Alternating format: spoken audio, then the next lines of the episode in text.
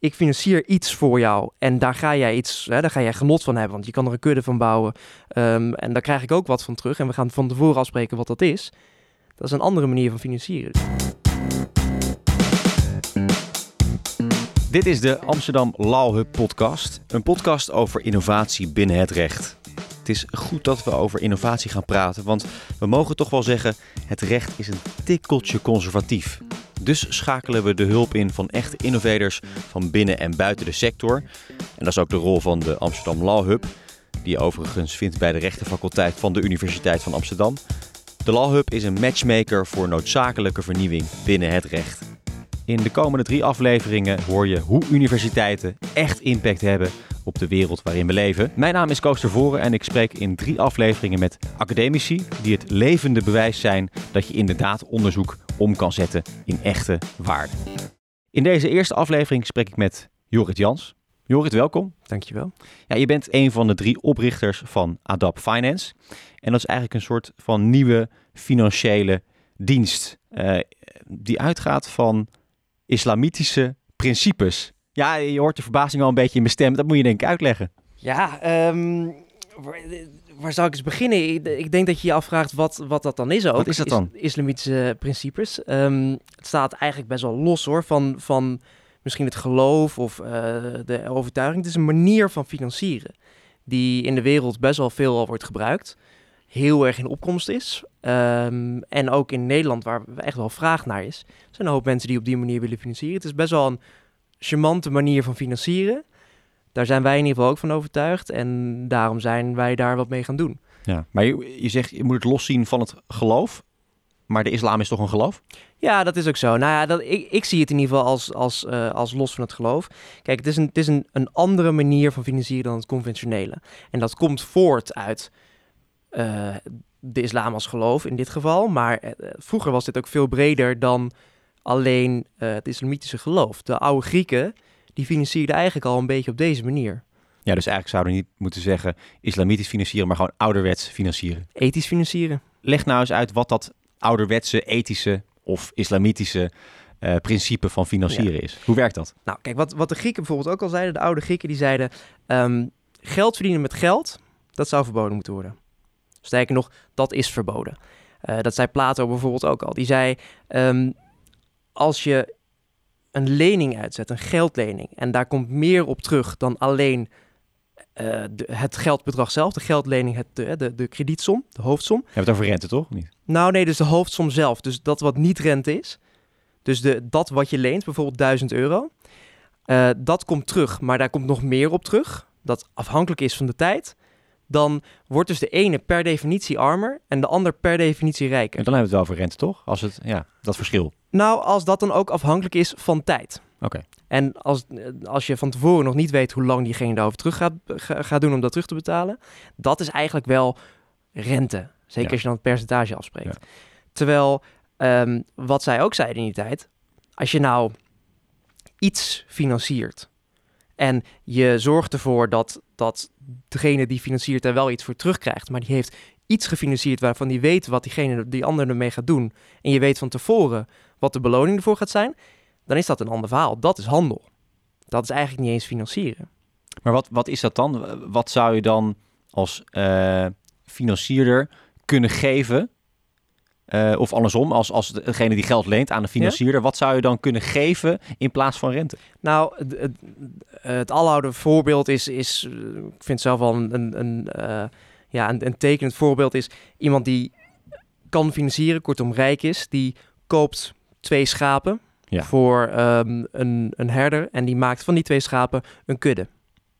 In ruil daarvoor krijgt hij de twee schapen terug en melk of misschien nog een schaap.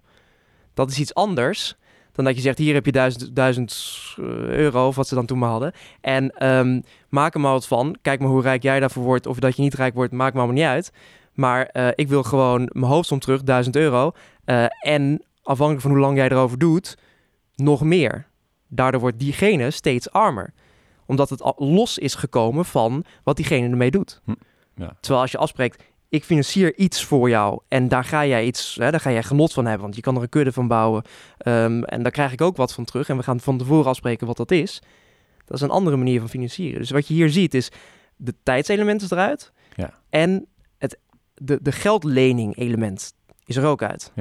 Maar wacht even, hoe maak je dan die afspraak? Hè? Laten we na het voorbeeld van de schapen nemen. Eh, een rijk persoon financiert twee schapen voor iemand die dat nodig heeft. Die wil, eh, nou, die wil een schapenboerderij eh, beginnen. Ja. Op een gegeven moment zijn dat misschien tien schapen.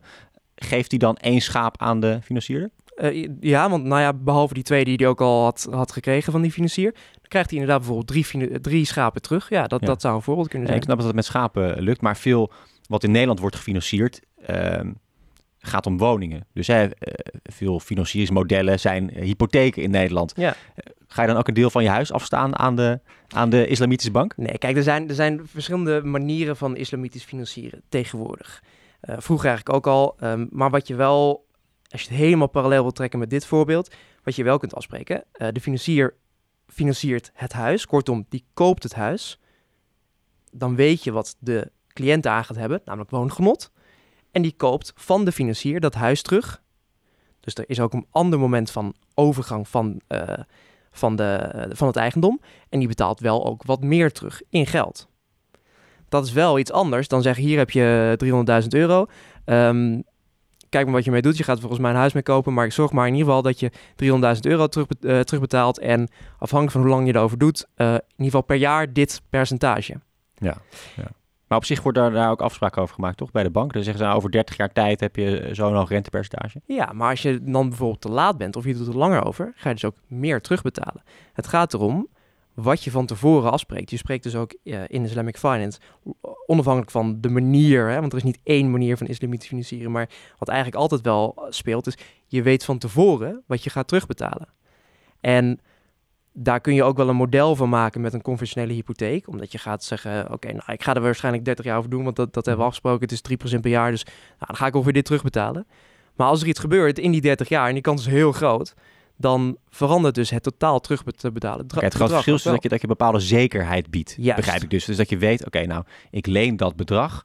Maar ik weet ook dat ik over een bepaalde tijd, en die is ook eindig, een bepaald bedrag extra terug moet geven. Hoe ben jij hierop gekomen? Ik, want waarschijnlijk is het niet uit eigen frustratie gebeurd. Want jij, jij komt uit Nederland waarschijnlijk. Mhm. En eh, jij mag dan volgens onze regels wel gewoon met die onzekerheid eh, een huis kopen. Ja. Ehm, hoe kwam je hierop?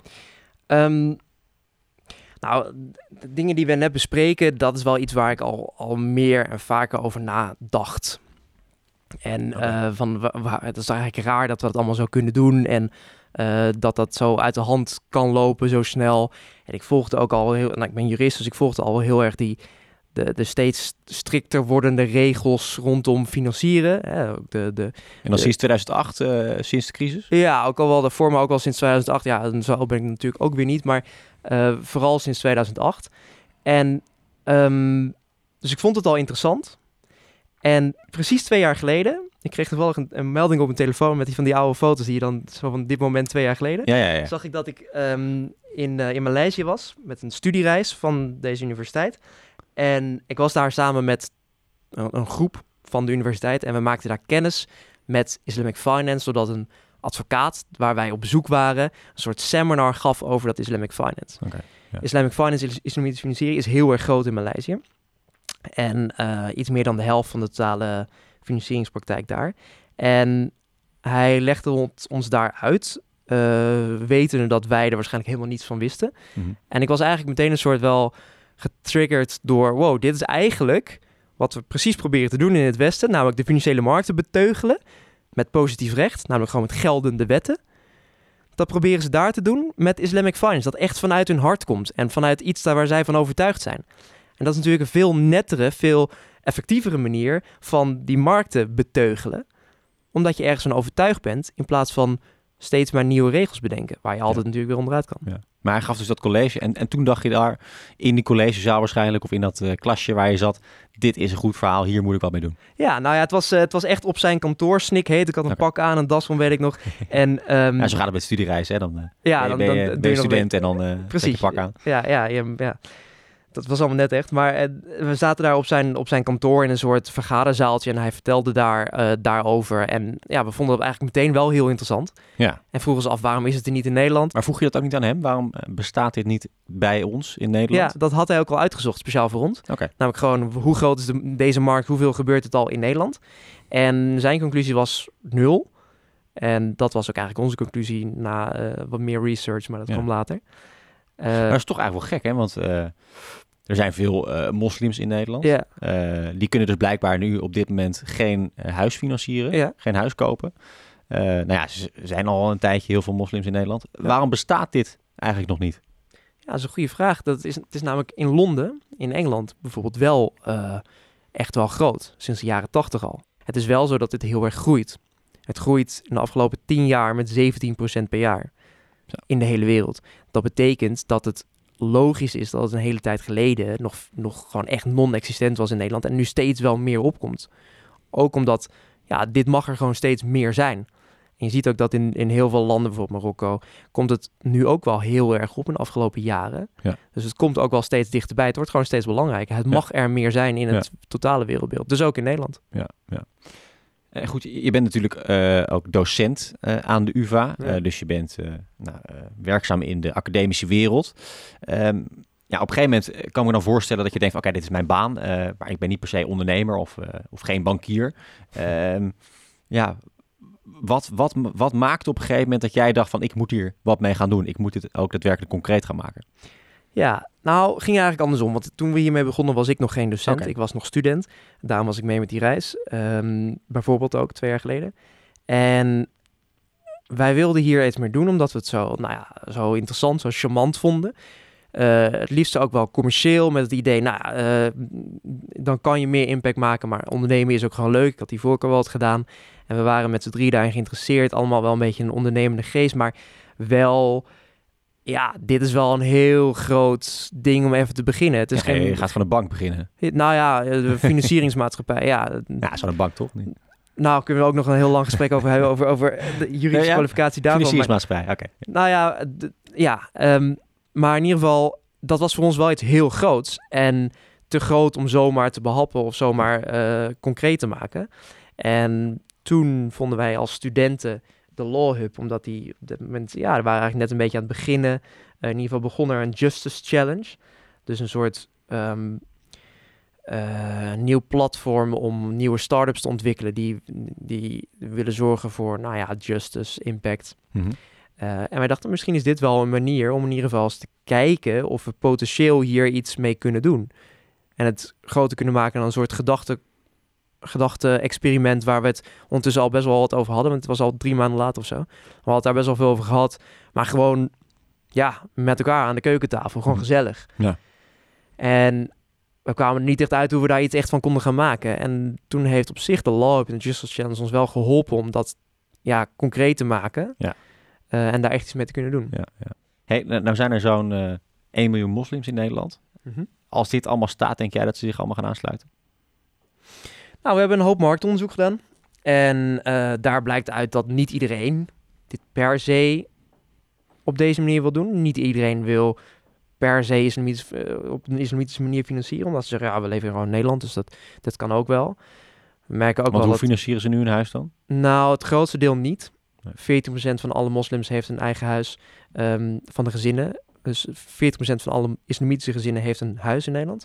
Terwijl van de hele markt in Nederland heeft 56% van de gezinnen een eigen huis. Dus daar zit wel een groot verschil. En ehm, natuurlijk hebben we ook wel erg onderzoek gedaan naar, komt, zijn er andere redenen voor? Ja, zijn er misschien andere financiële redenen voor?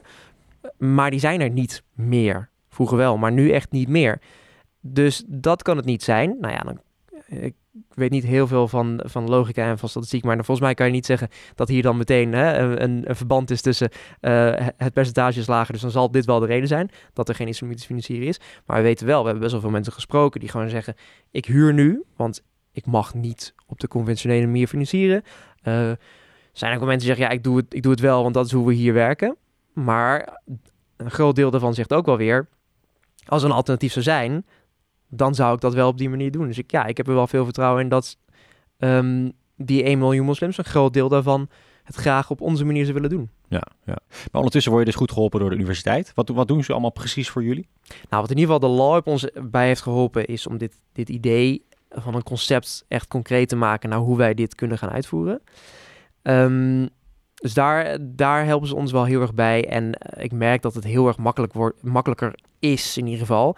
Dat als je een, een specifieke vraag hebt, hoe kunnen we dit oplossen in, in Nederland, maar wel hè, in overeenstemming met deze en deze eisen die voortkomen uit de islamitische, uh, dan zijn er hier gewoon heel veel contacten die je eventjes kan raadplegen.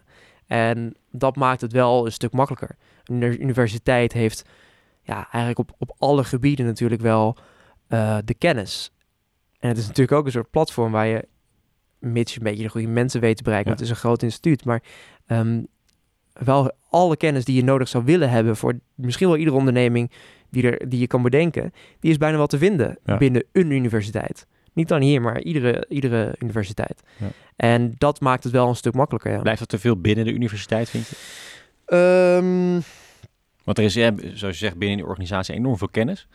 Ja. Uh, maar je zou toch willen dat al die kennis ook een beetje naar buiten treedt en dat daar concrete dingen mee worden gedaan? Ja, dat is ook zo. En dat, ja, ik denk ook wel dat dat zo is. Alleen het lastige is, um, zorg, dan een doel, zorg dat er dan een doel is waar dat dan bij elkaar moet komen. En ik vind het niet zo heel gek dat dat niet gebeurt. Kijk, wat wij nu hebben is wij kunnen met onze kennis zeggen: Oké, we hebben nu dit stukje kennis nodig, dit stukje kennis. Dat blijkt dan altijd wel te zijn. Maar die mensen die weten helemaal niet dat dat zo bij elkaar kan komen in bijvoorbeeld deze onderneming. Maar zo geldt het voor, voor ieder idee. Denk ik dat je het overal wel binnen een universiteit kan vinden. Alleen niemand weet alle, alle, alle eigenaren van die kleine stukjes informatie, ja. die weten niet dat ze elkaar kunnen vinden en daar iets mee kunnen maken. En dat is helemaal niet gek. En stel je bent onderzoeker en uh, je denkt, nou, ik heb een, een heel vet idee en uh, ik denk ook dat het echte impact kan gaan maken. Maar je weet niet precies waar al die kennis, uh, andere kennis zit op de universiteit of, of wie je kan helpen. Wat zou je ze aanraden? Nou, ik vind in ieder geval dat de UvA wel heel erg nu op een goede manier bezig is met uh, het in de praktijk brengen van, van kennis. En daar zijn ondertussen best wel wat platforms voor. En uh, die werken ook best wel goed, denk ik. Dus ik zou wel zeggen, sluit je daarbij aan. En, en kijk wat er dan gebeurt. Maar wel, doe dat dan ook gewoon. En blijf niet met dat idee zo rond zitten in je hoofd uh, op, op vrijdagavond. Dat, dat is wel echt zonde, vind ik. Nee. En als ze financiering nodig hebben, dan ben jij er. Ja, nou, een onderneming financieren is het, is het allerlastigste dat er is, ja. ongeveer. Ja. Uh, omdat het, het probleem zit nooit bij de financiering, maar bij uh, wie ga je financieren en, en waarom. Dus jullie doelgroep blijft vooral mensen die een huis willen kopen? Zeg nooit nooit. Het zou leuk zijn. Ik vind het een heel leuke, interessante business, omdat we zelf ook heel erg in zitten. Maar uh, dat is nu wel de eerste markt om aan te spreken. Ja. Nou, ja, ik hoop dat het uh, gaat lukken. Uh, jullie zijn druk bij. Je weet nog niet wanneer het live gaat, maar ik, ik verwacht in de komende jaren. Hartstikke bedankt, uh, Jorit, en, uh, en heel veel succes. Dankjewel. In deze serie van de Amsterdam Law Hub podcast komen hele mooie, impactvolle en innovatieve initiatieven voorbij. Maar ik vraag me dan toch wel een beetje af, ja, hoeveel impact hebben ze nou eigenlijk? En om daarachter te komen uh, praat ik elke aflevering even na met Ronald Mooyer. Hij is business developer bij de HVA en bij de UvA en ook verbonden aan IXA, de Innovation Exchange Amsterdam. Uh, Ronald, moet je even uitleggen wat de IXA nou precies is? Ja, IXA is een uh, afdeling van uh, de universiteit en de hogeschool. En wij houden ons bezig met het helpen van onderzoekers om impact te bereiken. Dat is een belangrijke taak die wij hebben. Het is niet de enige taak die IXA heeft, maar wel een, een belangrijke. En daartoe ja, hebben we een aantal mensen in dienst die daar ervaring mee hebben. En die proberen onderzoekers te helpen om zo groot mogelijk impact te halen met uh, hun onderzoeksresultaten. En wat doe je dan precies? Wat wij doen is we uh, helpen onderzoekers om enerzijds uh, hun onderzoek zo op te zetten en voor te bereiden en uit te voeren. Dat de kans dat ze er impact mee bereiken ook groot is. En anderzijds, als ze klaar zijn, dan proberen we ze te helpen om hun onderzoeksresultaten in de buitenwereld te krijgen en om ook ervoor te zorgen dat er mensen zijn, organisaties zijn die ermee aan de slag gaan, die het gaan gebruiken, hm. waardoor er impact ontstaat. Ja, er is ook verbinding tussen, uh, laten we zeggen, de wetenschap en de echte wereld. Ja, zeker. Alright. Hey, jij hebt even meegeluisterd naar uh, het gesprek dat ik had met uh, Jorit Jans van Adapt Finance. Um, daar toch wel een bijzonder businessmodel, financiering volgens islamitische principes. Ja. Zeker. Is, had je daar ooit van gehoord of niet? Ja, natuurlijk. Ja, op zich is dat principe, uh, nou ja, daar had ik van gehoord. Maar hoe het precies werkt, ja. Uh, dat was mij niet bekend. Nee, nou ja, het is, het is best wel ingewikkeld hè, hoe het werkt. En met die rente, hoe zit het nou precies? Is het nou wel of geen rente? Ja. Uiteindelijk uh, ook toch een soort van rente, maar dan met meer zekerheid. Ja, het soort rente. Uh, maar laten we zeggen, uh, wat ik begreep is dat met name het tijdselement op een heel andere manier wordt benaderd. Dus het is, je spreekt eigenlijk van tevoren af wat de vergoeding zal zijn. En het is niet zo dat je ieder jaar enzovoort een bepaald bedrag betaalt. Ja. althans niet op de manier zoals wij dat nu doen. Wat, wat natuurlijk impactvol is, tenminste dat denk ik dan, moet je maar even zeggen of jij dat ook vindt, is, is dat ze een enorme markt eigenlijk kunnen bedienen van mensen die nu uh, geen financiering kunnen ophalen. Er zijn een hoop mensen in Nederland die, die, die door ethische bezwaren niet bij een reguliere bank bijvoorbeeld geld kunnen lenen voor een hypotheek. die kunnen dat dan straks met Adapt Finance waarschijnlijk wel. Is, is dat dan per definitie impactvol als je heel veel mensen kunt bedienen? Ja, nou ja, het, het omgekeerde is natuurlijk waar. Hè? Als het niet gebruikt wordt, heeft het ook geen impact. Dus uh, uh, ja, voor ons is het criterium toch wel echt uh, dat iets gebruikt moet worden. Okay. En de mate waarin het gebruikt wordt, is natuurlijk belangrijk om, om te meten, nou ja, te beoordelen of iets veel impact heeft. Maar aan de andere kant is het iets anders, is natuurlijk in hoeverre het afwijkt van het bestaande. Als het een, een, een, echte wijziging is, als het echt iets toevoegt, dan heeft het meer impact. Uh, maar, maar hoe zie jij de impactkansen voor ja, dit Als je het vanuit het oogpunt van nou ja, laten we zeggen, uh, hoe breng je een innovatie naar de markt bekijkt, dan, uh, dan vallen er wel een aantal dingen op.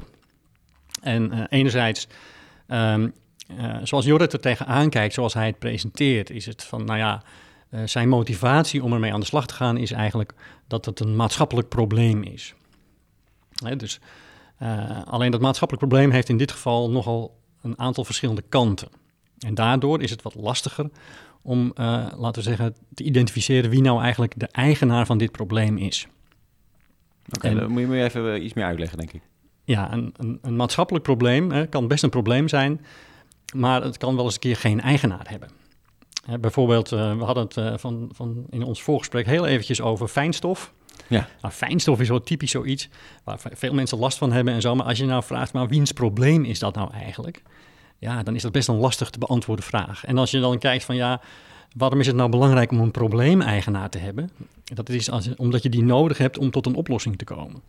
Als je namelijk geen eigenaar van het probleem hebt, voelt niemand zich aangesproken om er iets aan te doen. Nou, met uh, deze vorm van financiering is dat enigszins het geval.